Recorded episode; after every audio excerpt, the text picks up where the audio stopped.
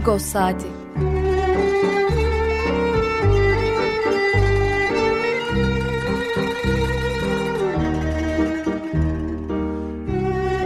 Haftalık Agos gazetesinin penceresinden Türkiye ve Dünya gündemi. Agos'un mutfağından haberler, söyleşiler, olaylar.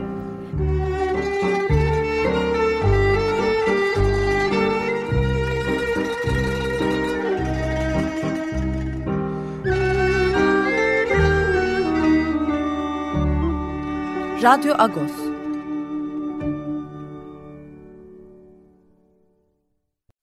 Radyo Agos'tan günaydın Parluyuz. Ben Yetver Tanzikyan. Yeni bir Radyo Agos'la, yılın son Radyo Agos'uyla karşınızdayız. Bugün 30 Aralık Cumartesi. E, ne dinledik? Her zaman bir şarkıyla girmeye çalışıyoruz biliyorsunuz Radyo Agos'a. Adi Sarmancıyan, e, müthiş bir ses. Sık sık çalıyoruz Adi Sarmancıyan'ı. E, La Festa, İtalyanca bir şarkı. Yani zaman zaman başka dillerde şarkılar da söylerdi Adi Sarmancıyan. E, Beyrut Ermeni toplumunun çıkardığı en önemli seslerden birisiydi. 2019 yılında kaybetmiştik Hadi Sarmancıyan'ı. Ondan La Festa şarkısıyla girelim dedik e, bugün de programımıza. Evet ne var akışımızda? E, birazdan Pakrates Sükyan'la haftalık olan sohbetimizi yapacağız. İkinci ve üçüncü bölümde e, müzisyen Muammer Ketencoğlu konuğumuz olacak. Muammer Ketencoğlu'nu ne zamandır ağırlamak istiyorduk. Evet Açık Radyo'da kendi programı var zaten biliyoruz ama e, yeni bir albüm çıktı Köklerimiz. Bu sefer daha Anadolu'ya yöneldi e, Muammer Ketencoğlu. E, evet Muammer Ketencoğlu'yla hem yeni albümünü hem de müzikal yolculuğunu konuşacağız. Yılın son radyo basına da e, uygun olur diye düşündük. Evet, e, biz e, bu haftaki manşetimizi de söyleyelim. E, 2004 2024'ten beklentimiz barış, adalet ve demokrasi demiştik. 2023 hakikaten kötü geçti. Neredeyse kabus gibi geçti. E, Agos bu hafta da dolu dolu. E, zaten içerikleri paylaşıyoruz e, bölüm bölüm. E, internetten de gaz bayilerde de alabilirsiniz. E, içeriği de zaman zaman değineceğiz bu hafta ne var Ağustos'ta. Çünkü e, yılbaşı sayısında ilanlarımız olur ama e, içerik olarak da dolu olur. Bu hafta da öyle oldu. Evet Pakat abi Parlus. Parlus Yetvat bu haftaki Agos bana eskilerin bayram gazetesini anımsattı. Hatırlarsan gazeteciler cemiyeti e, Şeker Bayramı ve Kurban Bayramı tatillerinde diğer gazeteleri yayın yapmazken yayınlanan bir e, gazete çıkarırdı. Bayram gazetesi. Biliyorum, evet. E, bütün gazetelerden ilginç köşe yazarları yan yana gelirdi o gazetede. Ama sadece o da değil. E, reklamlar olurdu, ilanlar olurdu. İlginç bir gazeteydi. Sonra o e, muhtemelen bu sabah gazetesinin bir boykotuyla e, sona erdi o süreç. O zaman hiçbir evet. gazete yayınlanmazdı. Yani günlük gazeteler, Cumhuriyet, Hürriyet, Milliyet hiçbiri yayınlanmazdı. Onların yerine üç gün boyunca o bayram gazetesi çıkardı. Evet bu hafta öyle oldu. E, fakat abi senle bu yılın son programında çok uzun bir vaktimiz olmasa da hem haftanın hem yılın değerlendirmesini yapalım diyecektik ama dün öyle gelişmeler oldu ki Türkiye'de Bununla herhalde konuşmamız icap eder. Kısa bir özet geçeyim ben. Ee, geçen sezonun lig şampiyon, şampiyonu Galatasaray ile Kupa şampiyonu Fenerbahçe e, bir süper kupa finali oynayacaklardı. O ertelendi ertelendi. Genelde lig bittikten sonra yapılırdı eskiden. Cumhurbaşkanlığı kupası denirdi buna da. Sonra süper kupa adını aldı. 2-3 e, ay önce, 3, hatta 3-5 ay önce belki bunun Suudi Arabistan'da oynanacağı açıklanmıştı. E, kulüpler gönülsüz de olsa biraz evet dediler. Çünkü Suudi Arabistan e, bu işleri artık biraz para harcıyor.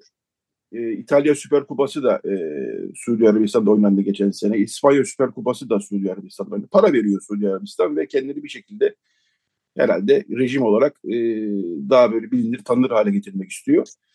Kulüpler de buradan bir toplamda 3.4 milyon euro falan gibi para alacaktı. İşte kupayı kazanan 2, küsür milyon. İkinci olan da yani diğer finaliste bir küsur milyon euro para alacaktı. Gittiler. E, fakat e, öğle saatlerine itibaren önce Suudi Arabistan yetkililer e, İstiklal Marşı'nın okunmasına izin vermiyorlar diye bir, bir haber çıktı. Sonra bu çözüldü. Oynanacak dendi. Fakat e, maç saati yaklaşırken bu sefer de takımlar ısınmaya Atatürk tişörtüyle çıkmak istiyorlar. e, sahaya e, işte yurtta sulh, cihanda sulh pankartı ve mutlu Türk'üm diyene pankartıyla çıkmak istiyorlar ve Suudi Arabistan yetkilileri buna izin vermiyorlar haberi çıktı. Bu kriz çözülemedi ve takımlar sahaya çıkmama kararı aldılar. Gece yarısını geçede e, sabaha karşı e, Türkiye'ye döndüler. İşte iki takımın da uçakları ayrı ayrı indi. Taraftarları karşıladı. Böyle bir durum. Yani e, büyük eleştiri var tabii federasyona bilhassa. E, bunlar ne olacağını öngörmediniz mi diye.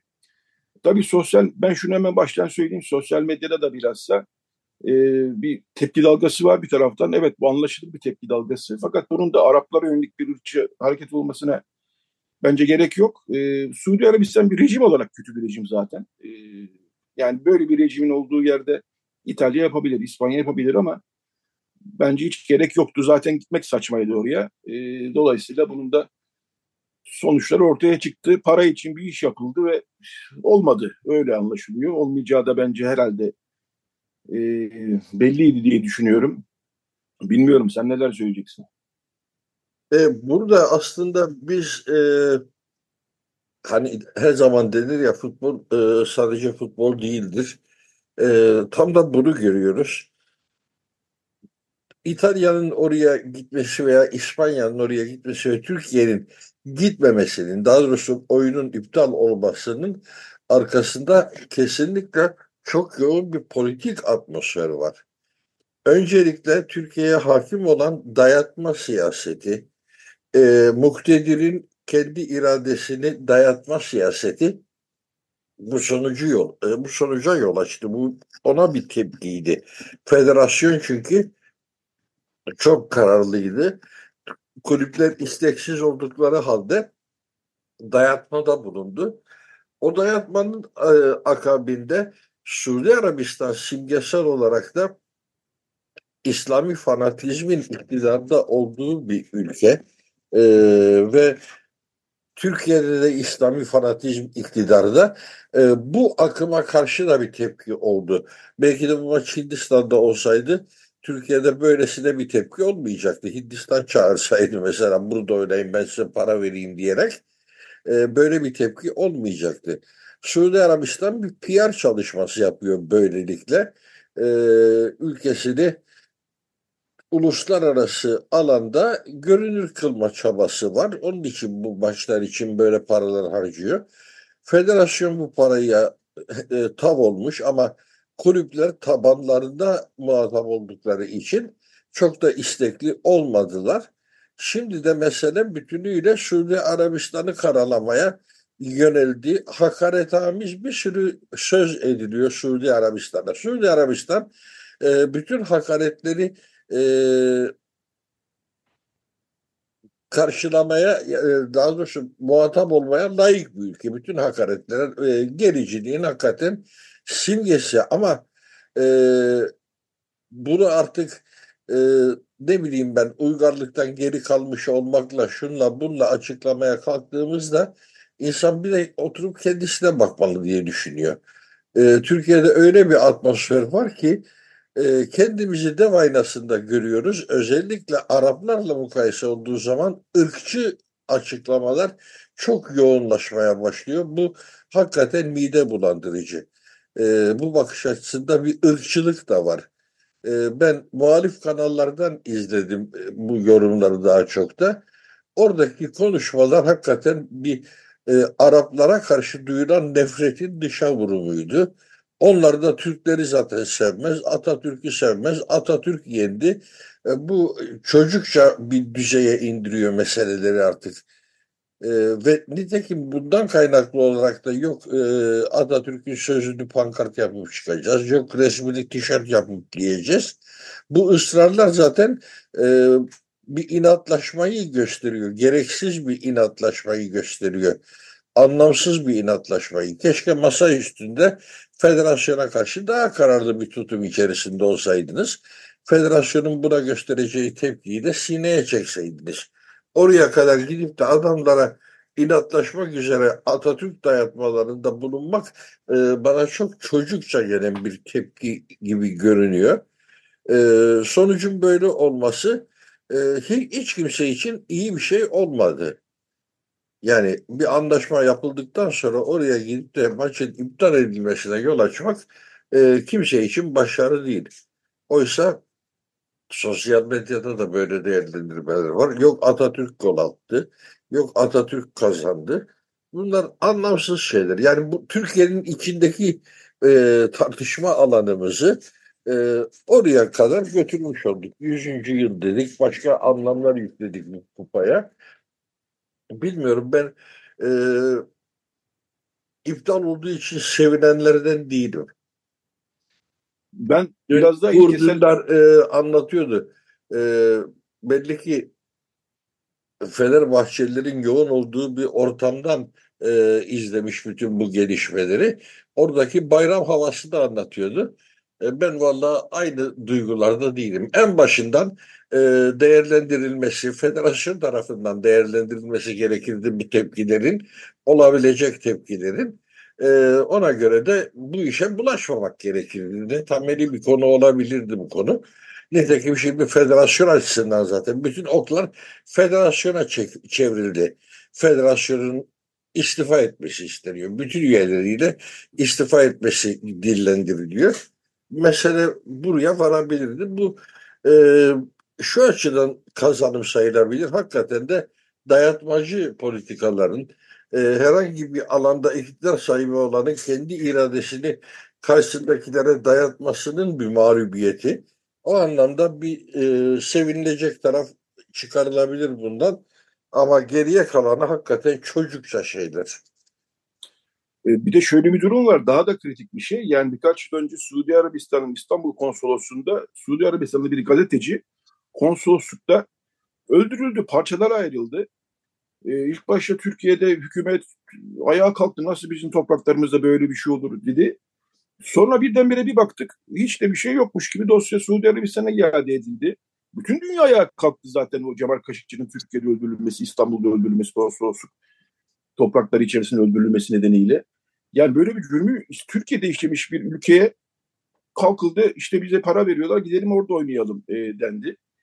E, hakikaten neresinden tutsan elinde kalan e, avuk suluk bir iş bu. E, anlamlandırmakta yani bundan bir zafer havası çıkarmanın da ben çok anlamlı olduğunu düşünmüyorum o açıdan. Evet böyle de bir şeyle e, damga vurdu. E, 2023'ün son gününe gündemimiz böyle bir damga da vurulmuş oldu. Daha da bunu çok konuşacağız, çok tartışacağız öyle gözüküyor.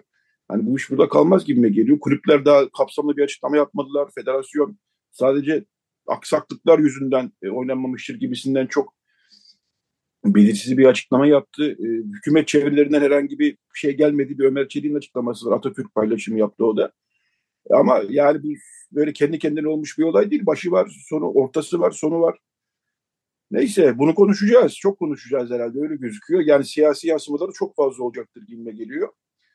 Ee, yılın değerlendirmesini şöyle yapmak bence anlamlı olur Akbarik. Bu hafta da e, yer verdik zaten. Yani bu yıl boyunca neredeyse yer verdik zaten biz bu gelişmeye.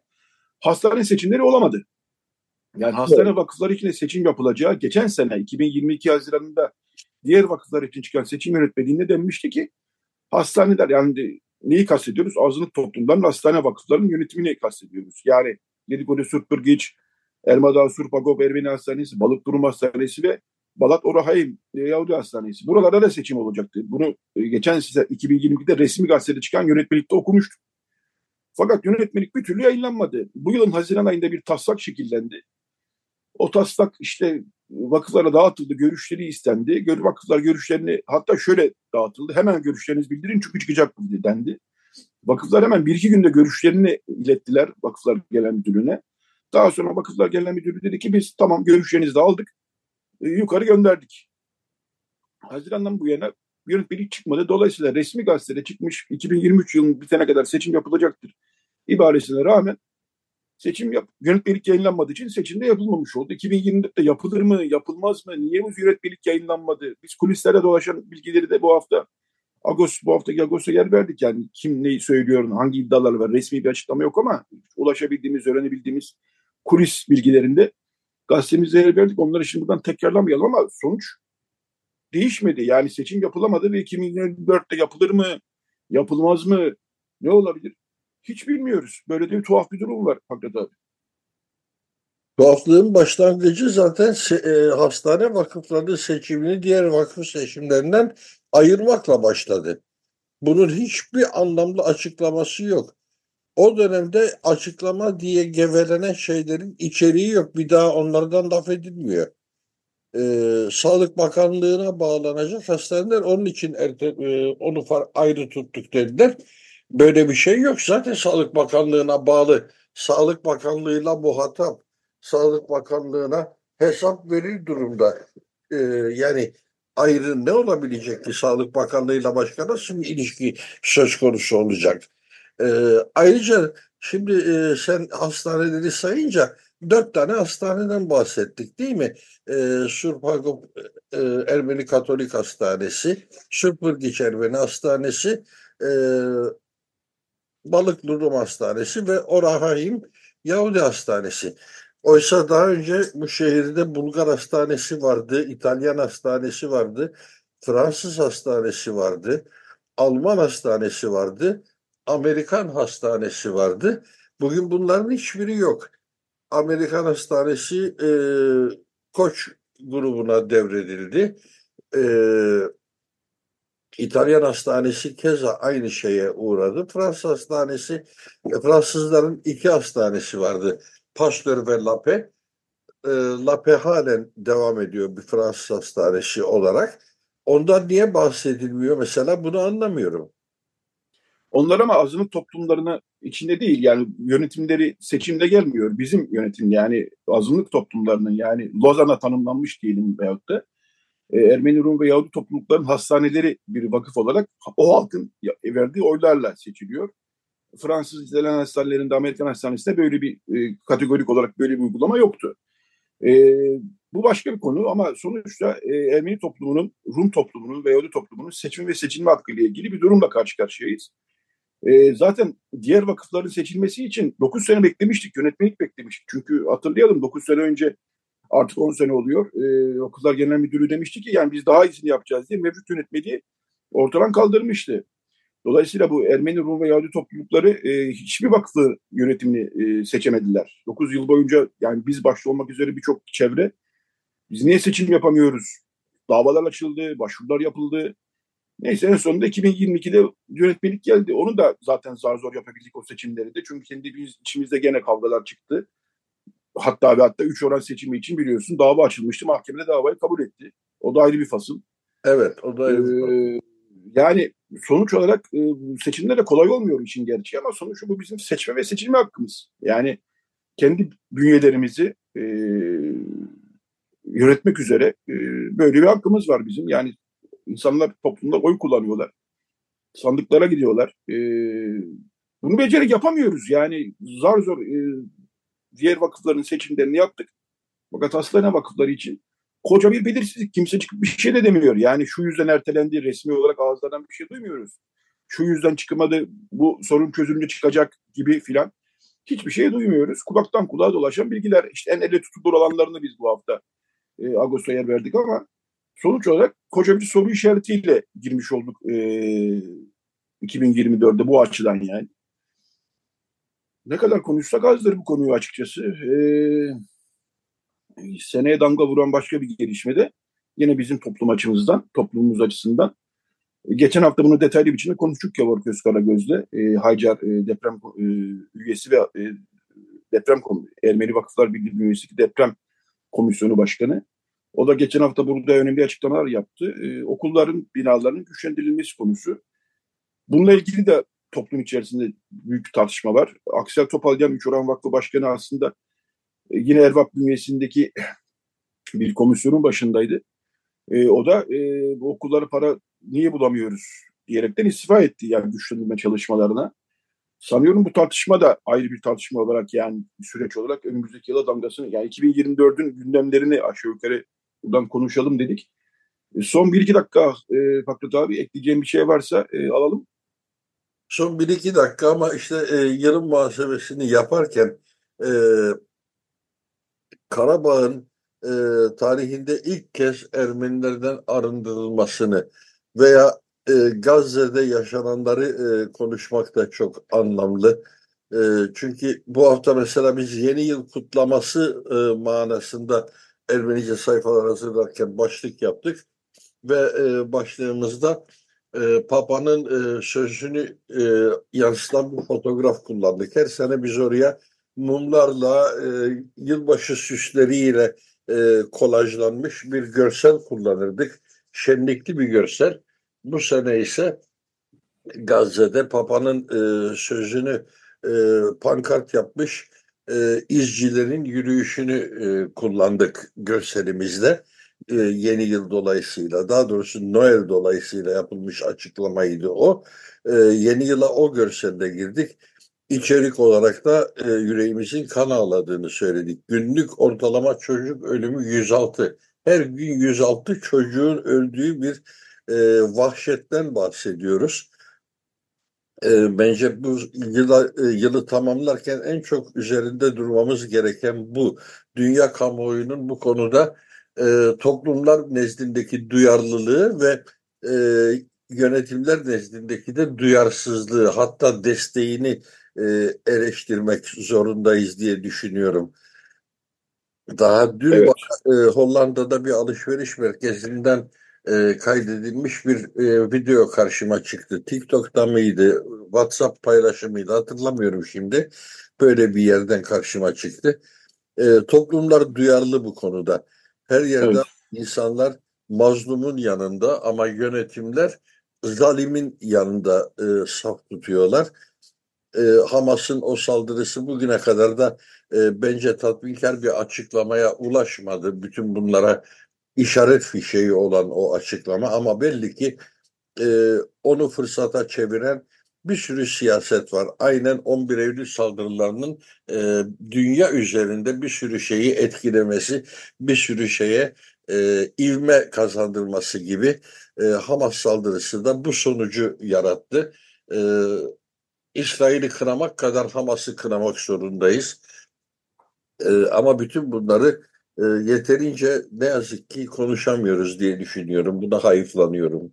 Konuşuruz Ahbarik önümüzde 20 sene var. Haftaya bu arada e, bizim e, bizim de halimizde haftaya Ermeni toplumunun haftaya da bir, bir haftalık bir ara vereceğiz. Onu da buradan duyurmuş olalım. Çok teşekkürler Ahbarik. Rica ederim ee, Yatvan, rica ederim. Senin de yeni yılını, ailenin yeni yılını kutlamış olayım. Ee, iyi bir yıl inşallah bizi bekliyordur. Bütün dinleyenlerin ee, çok... yeni yılını kutlamış olalım. Evet, çok teşekkürler. Şimdi geçen hafta çaldığımız Vospikyan Band'dan bir şarkıyla e, bu bölüme veda edelim. İkinci bölümde Muammer Ketencoğlu konumuz olacak. Geçen hafta ben de Sevan Atoğlu vesilesiyle öğrenmişim Vospikyan Band'ı. Onların 1949 kaydı Yar Mune'yi bir yarım olsaydı şarkısını dinleyelim. Daha sonra bir reklam arası, daha sonra e, Radyo Agos devam edecek. Radyo Agos. Evet, Radyo Agos devam ediyor ne dinledik? E, Muammer Ketencoğlu ve arkadaşlarının albümünden, yeni albümünden Aralık ayında çıktı. Köklerimiz albümünden Ayancık Elmeleri e, eserini dinledik. Seslendirenler e, vokalde Şule Kocaman Saraç, Selda Kocak Uzuntaş ve Elif Ketencoğlu vardı. Evet konuğumuz Muammer Ketencoğlu. Kendisini ağırlamayı ne zamandır istiyorduk. Çok sevdiğimiz, takip ettiğimiz bir müzisyen Muammer Ketencoğlu. E, yeni albümü vesilesiyle de yılın son programında e, Muammer Bey ile birlikte olalım dedik. Günaydın Muammer Bey, nasılsınız? Günaydın, benden de palyus size. Günaydınlar olsun. Teşekkür ederim. Ee, üstadım şimdi sizin müzikal yolculuğunuzu da konuşacağız ama önce albümle başlayalım diye düşündüm ben. Köklerimiz albümüyle. Ee, evet. Sinop civarından bir şarkı bu albümden e, çaldık. Trio müzikten çıktı bu arada albümünüz. Ee, şimdi e, bu hafta da e, Agos gazetesinde bir röportajımız var sizinle zaten albüm vesilesiyle. E, burada biraz e, köklerimizden de anlaşılıyor. E, sizin müzikal yolculuğunuz daha çok Balkanlar Rumeli e, coğrafyasındaydı. Burada artık bir e, Anadolu'ya dönüş gibi bir şey e, var öyle anlaşılıyor. Şarkılar da öyle zaten. E, bu, bu son albümün yolculuğu nasıl oldu? Öyle başlayalım isterseniz üstadım. Şimdi öncelikle e, programcı olarak e, son derece heyecanlan, heyecanlandığımı söylemek zorundayım. Çünkü kendi, insan kendi programına ne bileyim zamanın içinde alışıyor galiba. Böyle e, yıllardır her cumartesi takip ettiğim bir programa konuk olmaktan e, son derece gurur duyuyorum, onur duyuyorum. Çok mutlu hissediyorum kendimi. E, bu aşamada emeğe geçen bütün arkadaşlarıma öncelikle gazetemizde de bir röportajımızı yayınlandı sevgili Vartan'a çok teşekkür ediyorum. Ee, Berç sevgili arkadaşımız, kardeşimiz çok güzel fotoğraflar çekti. Ee, emeğe geçen bütün arkadaşlarıma teşekkür ediyorum. Ayrıca böyle bir protokol konuşması gibi oluyor ama benim içimden geldiği için e, başlamak zorundayım şöyle. E, Agus'un yaşayan ve yaşamayan e, dostlarına buradan selamlar, sevgiler göndermek istiyorum. Özellikle Agus'un kurulduğu günleri anımsayıp e, hatta kuruluş kutlama gecesinde de e, birlikte vakit geçirdiğimiz sevgili Sarkis abim Sarkis Serapiyan'ı tabii ki sevgili Hrant'ı e, e, Tomasyan abimi Yekvar Tomasyan'ı buradan sevgi ve saygıyla arıyor, anlıyorum. Ve aynı zamanda da sevgili Şuşan Kalataş 1993'ten beri benim çeşitli projelerimde yer aldı. Hatta 2016 yılında yayınladığımız e, İstanbul Orient and Occident adlı çalışmada bir e, parça seslendirdik beraber Garavan isminde malum 1915'i çağrıştıran e, Şuşan'a da buradan selamlar sevgiler yolluyorum. Şimdi, Çok teşekkürler. Ya, Muammer Bey kısacık bir araya gidebilir miyim? Ee, bir radyo açık olabilir mi evde herhangi bir yerde acaba? Ee, çünkü bir yankı yaptığını bana reji söyledi. Eğer öyle bir şey varsa. E, anlayamadım Yakvar Bey. Ee, evde radyo açık olabilir mi acaba? Bir yankı yaptığını söyledi çünkü rejideki arkadaşlarımız bana. Şu an yakınızda açık bir radyo var mı acaba? E, telefonda bir sıkıntı var ama çok özür diliyorum. E, bir kez ee, tamamlayacağım sorunuzu. Peki beni duyabiliyor musunuz Muammer Hocam? E, biraz kötü duyuyorum açıkçası ama deneyelim bir daha. Anladım. Ee, evde radyo açık mı acaba? Ee, bir yankı yaptığını söyledi rejideki arkadaşlarımız da ondan soruyorum. Ha, yankı var mı şu anda? Ee, radyo açık olabilir dedi de arkadaşlarımız yankı yüzünden. Öyle bir şey varsa radyoyu kapatabilir miyiz diyecektim. Peki hocam e, biz devam edelim. Çok teşekkürler güzel sözleriniz için. E, bu albüme istiyorsanız dönsek. E, evet albüme dönelim. Şimdi nasıl duyuluyor sesim? E, duyuyoruz evet. Rejiden de ben bir e, sinyal bekliyorum. Siz ee, buyurun devam edin. kısaca. Dediğiniz gibi ben yıllardan beri Balkan müziğiyle uğraşıyorum. Temel olarak Batı Anadolu ve Balkan müziğine dair çalışmalar yapıyorum. E, ama her zaman tabii e, halk müziği, Anadolu müziği benim e, hayatımın merkezinde yer aldı. Şimdi şöyle en geniş açıdan bakarsak e, yani çok geniş bir daire olarak düşündüm. Yıllarca çeşitli bölgelerden halk müzikleri e, dinledim. E, çünkü halk müzikleri e, halkların e, hissiyatını, duygusunu en net bir şekilde, en yalın bir şekilde veren müziklerdir diye düşündüm. Bu şekilde Boğaziçi Üniversitesi yıllarında e, çeşitli araştırmalar yaptım. Atıyorum, Latin Amerika'da insanlar nasıl e, düşünmüşler hayatı ve müziğe nasıl yansıtmışlar, Orta Asya'da nasıl, nasıl olmuş bu işler.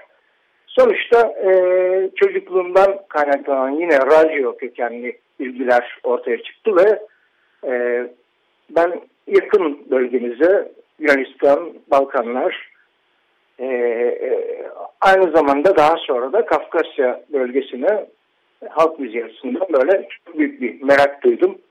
Biz zaten daha en baştan beri gençliğimizden beri ulusalcılık duygularıyla, milliyetçilik duygularıyla hep arası bozulmuş insanlarız. Müziğin kendisini esas alıyoruz. Hangi dille söylendiği, hiç önemli değil. Hatta e, dünyanın yani keşke de e, hani sınırların olmadığı bir e, koca gezegen olsa diye hayal ediyoruz. E, sonuç olarak son yıllarda Anadolu müziği üzerine e, odaklanmaya çalıştım. E, çeşitli vesileler oldu. E, 2006-2008 yılları arasında kadın türküleri üzerine çalıştım. Onun dışında da bizim folk beşliğimiz var. E, çeşitli konserler veriyoruz. Anadolu'nun her, her yarısından şarkılar çalıyoruz. Tabi akordeon her yörede kullanılıyor mu diye, diyecekler çıkabilir. E, tabii ki kullanılıyor ama ben e, türküleri seçerken makamsal özelliklerine çok dikkat ediyorum. E, akordiyonu da belki bir, bir dereceye kadar yenilikçilik denebilecek bir yaklaşımla e, akordiyonun girmediği alanlara da onu sokmaya çalışıyorum bir taraftan. E, işte bütün bu duygularla e, 6 şarkı daha doğrusu altı başlıkta yedi türküden oluşan bir kayıt yaptık. Köklerimiz Muammer Ketencoğlu ve arkadaşları başlarına taşıyor bu e, albüm. Yıllardan beri beraber çalıştığımız arkadaşlar. Yani tamamen bir imece çalışması bu. E, çeşitli yörelerden her türkünün ayrı bir hikayesi var. İşte ithaf ettiğimiz insanlar var. Örneğin az önce dinlediğimiz türkü bizim Kadın Sesleri projesinden kalma bir türküdür. Fazla bilinmez. Hatta 80'li 90'lı yıllarda Türk Edebiyatı içinde birçok yazarın öykülerinde filan e, kullandığı söz olarak kullandığı bir türküdür. Ayancık emirleri bir Sinop türküsüdür. Az önce dinlediğimiz. Diğer türkülerimizde hepsinin ayrı bir hikayesi var. Ee, 1 Aralık itibariyle yayınladık. Şimdi aynı zamanda da bu e, türkülerde çaprazlamalar yapmaya çalıştım. İşte sunuş yazımda da özellikle belirttim. E, eskiden birazcık daha böyle gelenekleri kapalı birer kutuymuş gibi düşünürdüm. Yani genç gençken insan e, yalnız müzik konusunda değil, hayata bakış konusunda da biraz daha böyle radikal, biraz daha e, köşeli e, düşünceler içinde olabiliyor. Ama zamanla bu düşünceler ne diyelim birazcık yontuluyor.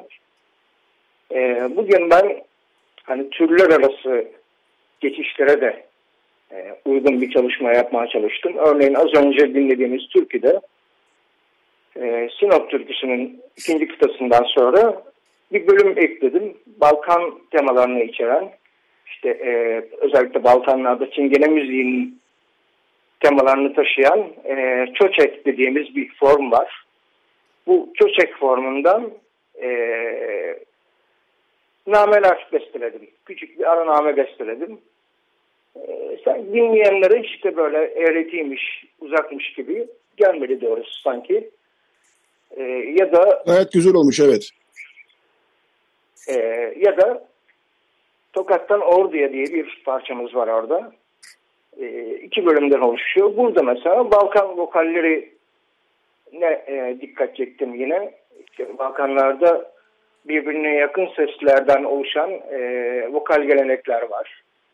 Aynı anda örneğin hani eğer müzikal deyimle ifade edeceksek işte do ve re beraber tınlıyor. Bu tip özellikleri de bizim türkülerimize uyarlamaya çalıştım. Yani böyle e, türler arası, halklar arası bir ne diyelim e, buluşturma, bir evlendirme, bir e, onları kavuşturma denemesinde bulundum Ekvak Beyciğim. Çok da güzel olmuş e, bence. E, Çok Üstadım. teşekkür ederim. E, şunu sormak isterim. E, bilmeyenler olabilir. Siz tabii 95'ten beri program yapıyorsunuz açık radyoda. Çok da bilinen bir isimsiniz. Orası öyle ama biraz daha konuyu açmak açısından sizin Balkan müziğine olan ilginiz e, nasıl şekillendi? E, yani kökleriniz mi orada? E, siz mi daha sonra bu müzik bu kültürü ilginç buldunuz? Onu da biraz açabilir misiniz? Şöyle anlatayım. Ee, bir defa çocukluğum İzmir'de geçti benim. Ee, az önce radyodan bahsetmiştim. Bu radyo çok önemli tabii. Ee, özellikle görme engelli bir radyo fazlasıyla önemli. E tabii Türk radyoları yetmiyordu bana. Ee, İbre'yi işte elinizde değiştirirsiniz. Çeşitli radyo istasyonları bulursunuz. O zaman FM falan yok tabii. Yani orta dalgadan çalışırsınız. Ee, Yunan ve Balkan radyolarını çok dinliyordum. Ee, daha sonra Yunan ve Balkan radyolarının Türkçe yayınlarını da e, denk gelmeye başladım. Onlar daha çok kısa dalgadan olurdu. Yani hem e, hayata bakış konusunda e, o zaman Sofya Radyosu özellikle benim hayatımda çok belirleyici oldu. Hayata bakışla ilgili, kültür sanatla ilgili birçok e, besin kaynağı buldum orada. Hem Türk müziği hem Bulgar müziği oradan dinliyorduk. Başka radyolarda dinliyordum. Ama sonra e, ortaokul yıllarından itibaren özellikle e, üniversiteye geldiğim zaman bu e, küçük alanı biraz genişletmeye çalıştım. Yani aslında ön yargısız olarak bütün e, dünyadan halk müzikleriyle ilgilenmeye başladım. Ama tabii aklımın bir tarafı hep Balkanlarda kaldı. Hani bunu e, psikolojik açıdan nasıl açıklıyoruz tam bilemeyeceğim ama orada bana dokunan bir şey var Balkanlarda. E, dolayısıyla onun üzerine e, yoğunlaştım. Ama e, 90'lara geldiğimiz zaman e, bu Balkan müziği sevgisi tabii bir taraftan doruktaydı ama bir taraftan da Türkiye'de ne diyelim çok ilginç şekillenmeler ortaya çıkıyordu. Ee, Türkiye'de yaşayan farklı kimlikler yavaş yavaş seslerini çıkarmaya başlıyordu. Ee, çok ilginç konserler oluyordu. Ee, ben de o yıllarda Yeryüzünün Yedi Rengi diye konserler yapmaya başladım. Tabii işte bu vesileyle e, sevgili Sarkis abim, Sarkis Serapyan beni Şuşan Kalataş'la tanıştırdı. Ee, Ermeni müziği ya da bambaşka konularda işte Çerkez müziği olsun, e, Azerbaycan müziği olsun, hatta e, Orta Asya Türkiye gelenekler olsun çeşitli vesilelerle bu müziklerle tanıştım.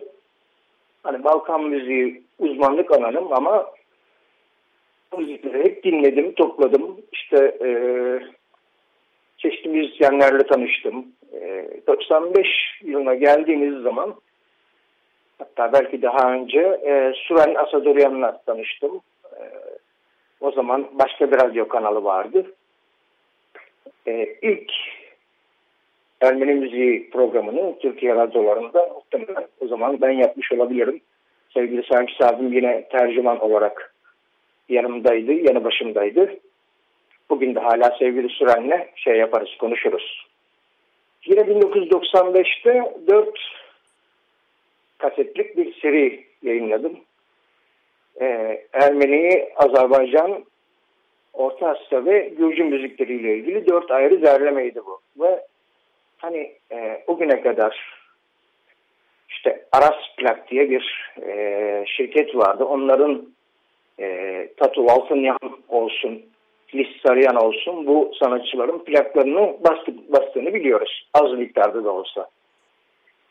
Ama Türkiye'de her tarafa dağıtılan, e, üstünde Kültür Bakanlığı'nın bandrolü bulunan ilk Ermeni müziği albümü Kalan Müzik tarafından 1995'te e, benim adamla ortaya çıktı.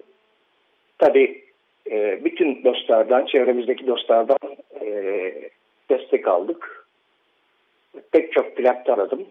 Eski müziği, halk müziğini temsil eden örneklerden ki bunlar zaten daha çok tabii Sovyet Ermenistan'ın döneminde Melodia firması tarafından basılan plaklardı. Onlardan e, derlemeler yaptım.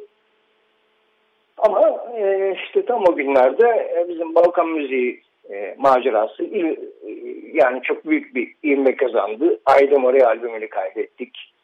O Türkiye'de çok güzel bir tepki ortaya çıkardı. E, gerek Türkiye'de gerek yurt dışında pek çok konser yaptık. E, ben Brezilya'da, Hindistan'da, İsrail'de e, çeşitli projelere katıldım. Bugün özellikle pandemi zamanına kadar da bu projeler devam etti.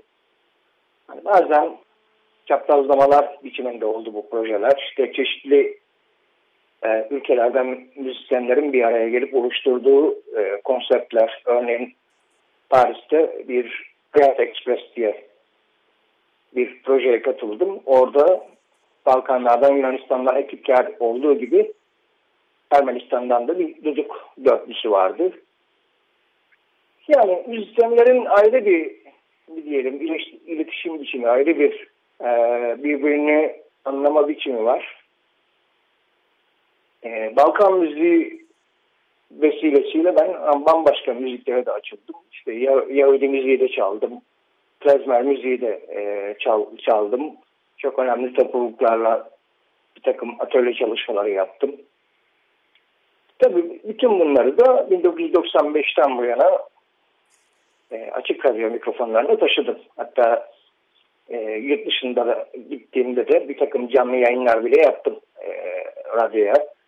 Oradaki değerli müzisyen arkadaşları çaldırıp işte telefon teknolojisi ne kadar duyurabiliyorsa onların sesini buraya duyurduk. Bekvat Bey. Şöyle kabaca bir üstün körü bir özet yapmaya çalıştım size. Evet yani çok konuşulacak konular tabii ama e, şarkı da çalıyoruz biz e, Radyo Ghost'ta. Bu şimdi son albümünüzden sizin de önem verdiğiniz bir şarkı olduğunu biliyorum. Halil'im e, sizin e, derlemeniz yanlış biliyorsam. E, Tire e, dolayından bir e, türkü bu. E, üstadım isterseniz onu dinleyelim. Daha sonra kısa bir reklam arası verelim. Daha sonra e, sohbetimiz devam edecek. Ne dersiniz? Tamamdır. Bekliyoruz. Zevkle. Tamam peki.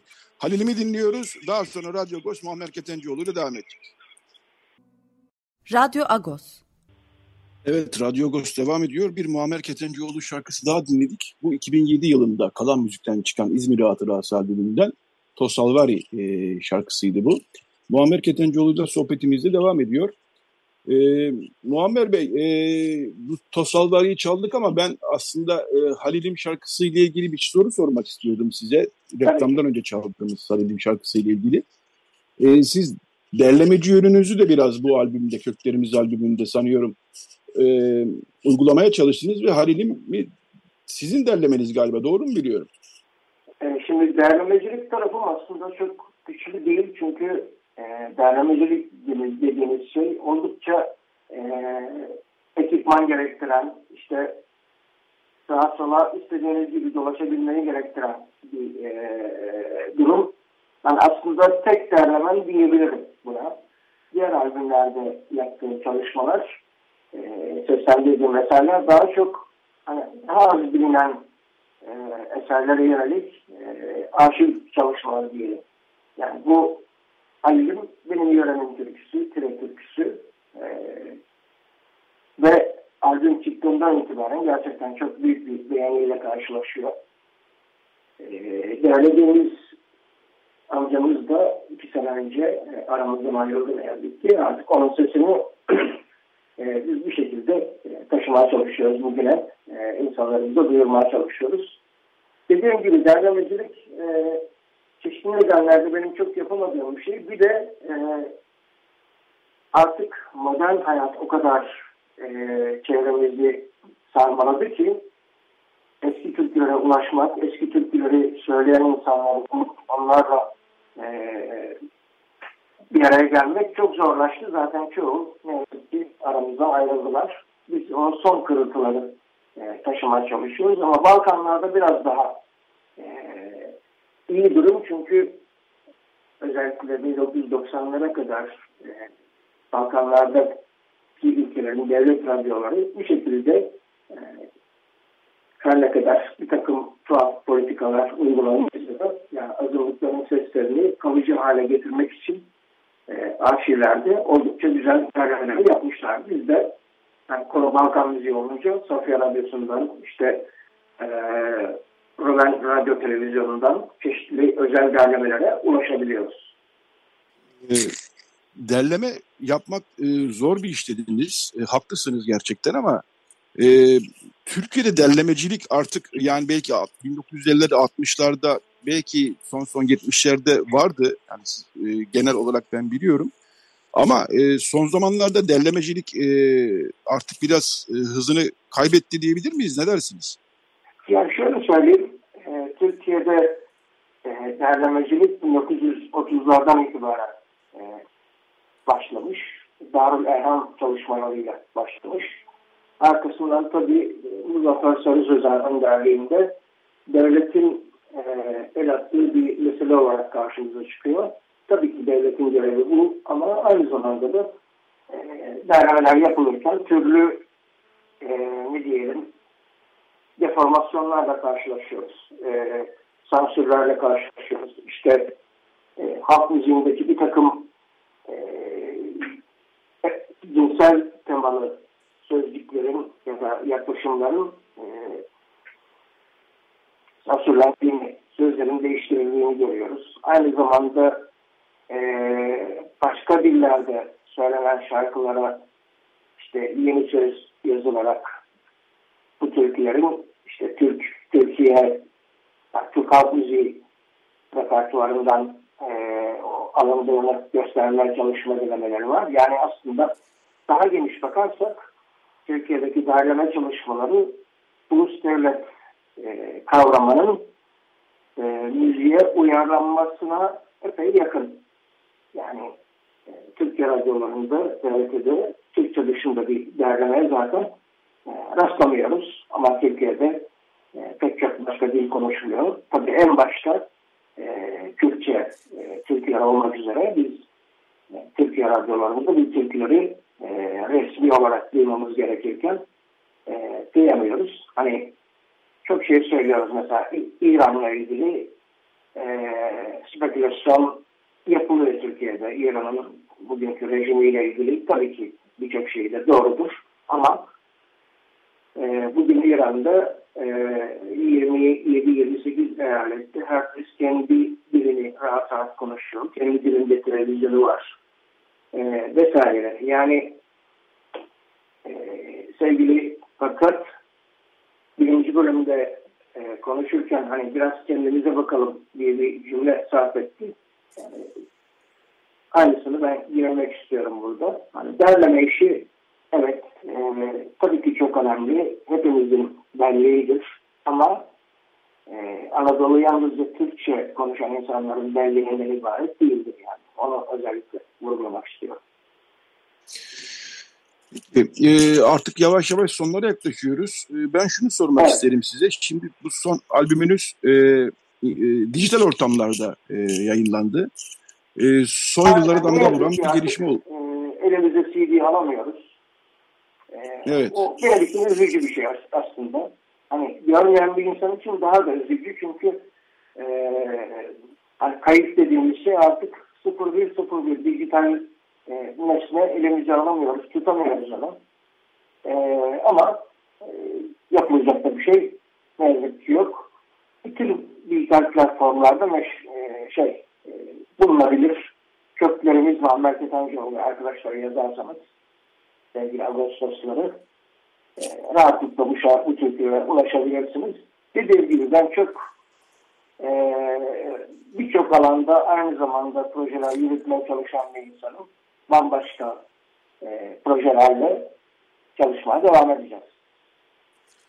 E, bu çok uzun bir konu aslında ama e, biz bunu birkaç hafta önce Ayça Tütüncü ile de konuşmuştuk. Peki yani böyle bir ortamda yani şarkılar artık e, plak olarak basılmazken, albümler artık plak olarak, CD olarak basılmazken, kaset olarak basılmazken müzisyenler hayatlarını nasıl idame ettirecekler? E, bu soruyu da ben aslında e, gündeme getirmek istiyorum. E, siz konserler dediniz dün telefonda konuşurken. E, ama konser, festivaller de sürekli yasaklanıyor. Yani müzisyenler nasıl yaşayabiliyorlar son yıllarda?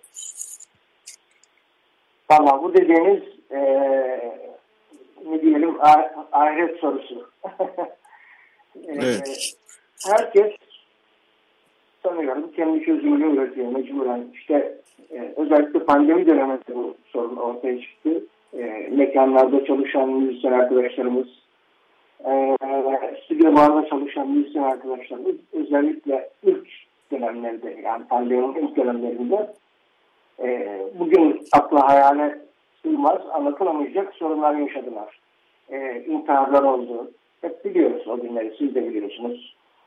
E, şimdi müzisyenleri destekleyecek kurumsal bir yapı, tabii ki bir takım meslek örgütleri var ama o kadar güçsüzler ki e, müzisyenleri zor durumda olan müzisyenleri destekleyecek bir mekanizma yok. Ama diyorsunuz e, atıyorum Anadolu'daki e, işsizlikten muzdarip insanlara destekleyecek, e, onlara destek olacak bir mekanizma var mı? Tabii ki o da yok. Ama biz şimdi müzik konuşuyoruz. E, kişisel çözümler buluyor herkes. Ne yazık ki. Yani e, dijital alanda da e, ana akım müzik yapan insanlar işte pop olsun, başka alanlar olsun göreceli olarak biraz daha e, iyi durumdalar, daha çok dinleniyorlar. E, bunun karşılığı da yani e, çok hakaretli olmasa bile bir şekilde o müzisyenlere gidiyor. Ama bizim gibi daha e, kenar kulvarlarda iş yapanlar, kendi e, kalplerinin peşinden gidip kendi iç seslerini dinleyip e, o sesin yönlendirdiği tarzda yürüyen müzisyenler için e, çok zor. Yani artık ya ek bir iş buluyor ya da işte mekanlarda çalma yatkınsa kaldırıyorsa midesi ki benim hiç kaldırmıyor yıllardan beri artık mekanlarda çalmak çok zor geliyor bana. Eğer yani yerlerde çalışıyorlarsa o şekilde çözmeye çalışıyorlar. Yoksa hani diyorlar ya Türkiye'de aile dayanışması şu bu. Ne yazık ki birazcık herhalde oraya kalıyor yani. Kurumsal bir mekanizma işte devletin e, herkese sağladığı asgari bir e, geçim ne yazık ki söz konusu değil. Yani güzel bir portre çizeriz biz ama Ee, Muammer Bey artık son sorumu soracağım size. Şimdi ben Tabii. dinleyici olarak e, röportajlarda şunu çok garipserim ama ben de soracağım. Yeni albümü çıkarmış birisine yeni proje var mı diye sorarlar. Adam ya da kadıncağız yeni albüm çıkarmış zaten ama ben yine de şu soruyu soracağım size. Bundan sonraki yolculuk gene Anadolu köklerimize doğru mu olacak yoksa tekrar e, eski Balkanlar e, coğrafyasına mı döneceksiniz? Onu da sormuş olayım e, son soru olarak. Evet. Şu anda hani Kemal Tahir'in meşhur kitabının adı Yol Ayrımı'ndayız biraz. Ee, çok net bir karar vermiş değilim henüz ama köklerimizi devam da edebiliriz. Belki bizim e, Sandığın Dalgameli Türküleri projesine devam edebilirim. Aslında kaynak çok yalnızca e, elimizdeki olanaklar neye izin veriyor? İçim neyi kaldırıyor ona bakacağım. Yani henüz e, karar verebilmiş değilim açıkçası. Ama konserlerimiz devam edecek. E, İBB etkinlikleri çerçevesinde olsun, İstanbul dışında olsun. Çeşitli konserlerde konserlerimiz devam edecek. Bu arada bildirmekte fayda var. 14 Ocak akşamı Kadıköy sahnede bir e, Filistin'de barış e, konsepti içeren bir e, etkinlik organize ediliyor. Yine Açık Radyo çevresinden arkadaşlarımız organize ediyor bunu. Kadıköy sahnede yer alacak. Ee, Arap müzisyenler, Türk müzisyenler, mümkünse Yahudi müzisyenler hep beraber e, oradaki orada akan kanı yani artık bizim Türklerimizde ne kadar buldurabiliriz diye düşünüyorum ama yine de müzisyenlerin başka çaresi yok. Bizim silahımız yok. Ancak şarkılarımız var. Ee, onları duyurup insanların dikkatini çekmeye çalışacağız 14 Ocak akşamı. Evet bu duyuruyu ben de tekrar edeyim. 14 Ocak akşamı Kadıköy sahnede e, bir konser olacak. Birçok müzisyen yer alacak Barış için. E, çok teşekkür ediyorum Muammer Ketencioğlu konuğumuzdu. E, Muammer Bey gerçekten sizi ağırlamak bizim için bir e, zevk ve olur. E, albümünüz de çok e, güzel olmuş gerçekten. Başarılı olmuş. Elinize sağlık. E, tüm arkadaşların zaten Muammer Ketencioğlu bir arkadaşları olarak çıktı bu albüm. Tüm emeği geçen arkadaşları da buradan tebrik ederim. E, çok teşekkürler yayına katıldığınız için. Aynen. 15 müzisyen arkadaşım var albümde. E, ayrıca Onur bana ait gerçekten her cumartesi e, bize bambaşka pencereler açan sizin yayınlarınızı çok büyük bir zevkle dinliyorum. E, daim olsun. Çok çok teşekkür ediyorum Yekvar Bey. Biz teşekkür ederiz ve iyi bir sene diliyoruz 2024 içinde. Selamlar, sevgiler gönderiyorum herkese.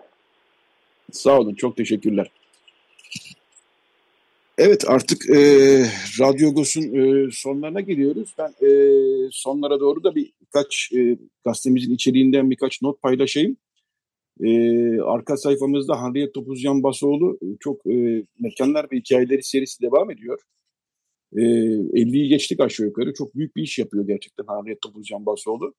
Bu hafta e, Kanaköy'deki Rus çatı kiliselerinin hikayelerini yazdı. Ee, çok hoştu gerçekten e, yazı. Yani bütün yazılar ilginç oluyor gerçekten ama fotoğraflarla bezenmiş. Ee, Rus, Rus toplumunun, Türkiye'deki Rus toplumunun, Rusya'dan gelenlerin e, yaptığı e, çatı kiliseleri bunlar. Gerek fotoğraflar gerekse o hikaye, kiliselerin hikayeleri e, hayli ilginç. E, onu söyleyeyim not olarak bu haftaki Ağustos'tan. E, keza E, bu hafta Ümit Kurt'la, tarihçi Ümit Kurt'la bir röportajımız oldu. Yeni bir kitabı çıktı e, Kanun ve Nizam Dairesi'nde başlığıyla Aras Yayıncılık'tan. E, o da e, o kitapta da e, Mustafa Reşat Mimaroğlu 1915'in uygulayıcılarından 24 Nisan 1915 günündeki tutuklamaları organize eden isimlerden birisinin hayatına ve e, odaklanıyor ve çok ilginç e, detaylar var. Onda da bir e, röportajımız var. E, geniş bir röportaj oldu gerçekten. İrat Ozor'un bir yazısı var. Aziz Vlas ve Aziz Vlas e, bu toprakların çok önemli azizlerinden bir tanesi.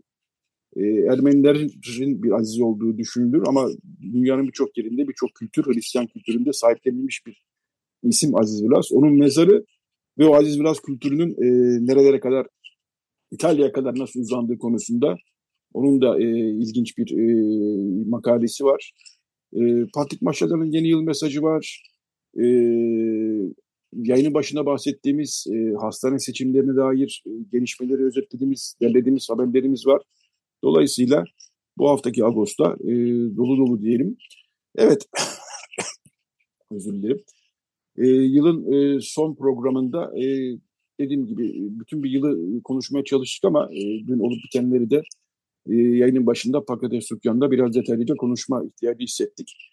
E, Muammer Ketencoğlu iki bloka yayılan e, yaklaşık 45 dakika yayılan bir sohbetimiz oldu. Çok da bunu isteyerek yaptık çünkü Muammer Ketencoğlu bizim kültürümüze e, çok renkli, çok kültürlü müzik kültürümüze büyük hizmetler vermiş, emekler vermiş bir isim. Onun da e, emeklerini burada e, konuşmak bizim için çok mutluluk verdi. E, evet artık e, dediğim gibi radyo sonuna geldik. Bir not da haftaya e, programımız olmayacak. E, onda şöyle e, belki bilmeyenler vardır. Hristiyan dünyasının büyük bir bölümü 24 Aralık'ta e, İsa Mesih'in doğuşunu kutlarken, Noel'i kutlarken Ermeni Kilisesi sadece 6 Ocak'ta e, İsa Mesih'in doğuşunu kutlar. Dolayısıyla 6 Ocak Ermenilerin Noel'i diyebiliriz. Biz de bir hafta bir izin rica ediyoruz. Yoğun bir gün oluyor gerçekten bizim için de. Ziyaretler, kutlamalar, hakikaten kültürümüzde en büyük iki bayramdan bir tanesi. Birisi Paskal'de, birisi de e, Dunut deriz biz. Yani doğuş, e, İsa Mesih'in doğuş ortusu. Evet, e, Recile Beren Baltaş yardımcı oldu. Yılın büyük bölümünde de Beren Baltaş vardı. Ona da teşekkür ediyoruz. Dediğim gibi haftaya bir haftalık bir izin istiyoruz. E, programı da çok sevdiğimiz bir isimle kapatmak isterim. E, Kazım Koyuncu'yla. Kazım Koyuncu'nun V albümünden bir şarkı. Daha önce çaldık biz bu şarkıyı ama o kadar seviyoruz ki sık sık çalıyoruz. Bir hemşince şarkı. Katun Mita Hande Soç şarkının ismi. Kabaca bir e, aşk şarkısı ama bir de şey şarkısı yani kızgınlık şarkısı. Ey kız sen yaşamayasın, yaşasan bile üzülmeyesin gibi bir şarkı ama gerçekten e, Kazım Koyuncu ve arkadaşlarının bu şarkıya getirdiği, bu Türkiye getirdiği yorum, e, zenginlik e, apayrı güzellikte. Dolayısıyla e, Kazım Koyuncu'yla bugünün son programını kapatalım. E, haftaya bir hafta ara veriyoruz. Herkese iyi bir sene diliyoruz. 2024 inşallah 2023 aratmaz. Daha iyi bir, daha iyi bir sene olur. Herkese iyi seneler dileyelim. İki hafta sonra buluşmak üzere Kazım Koyuncu'yla veda edelim.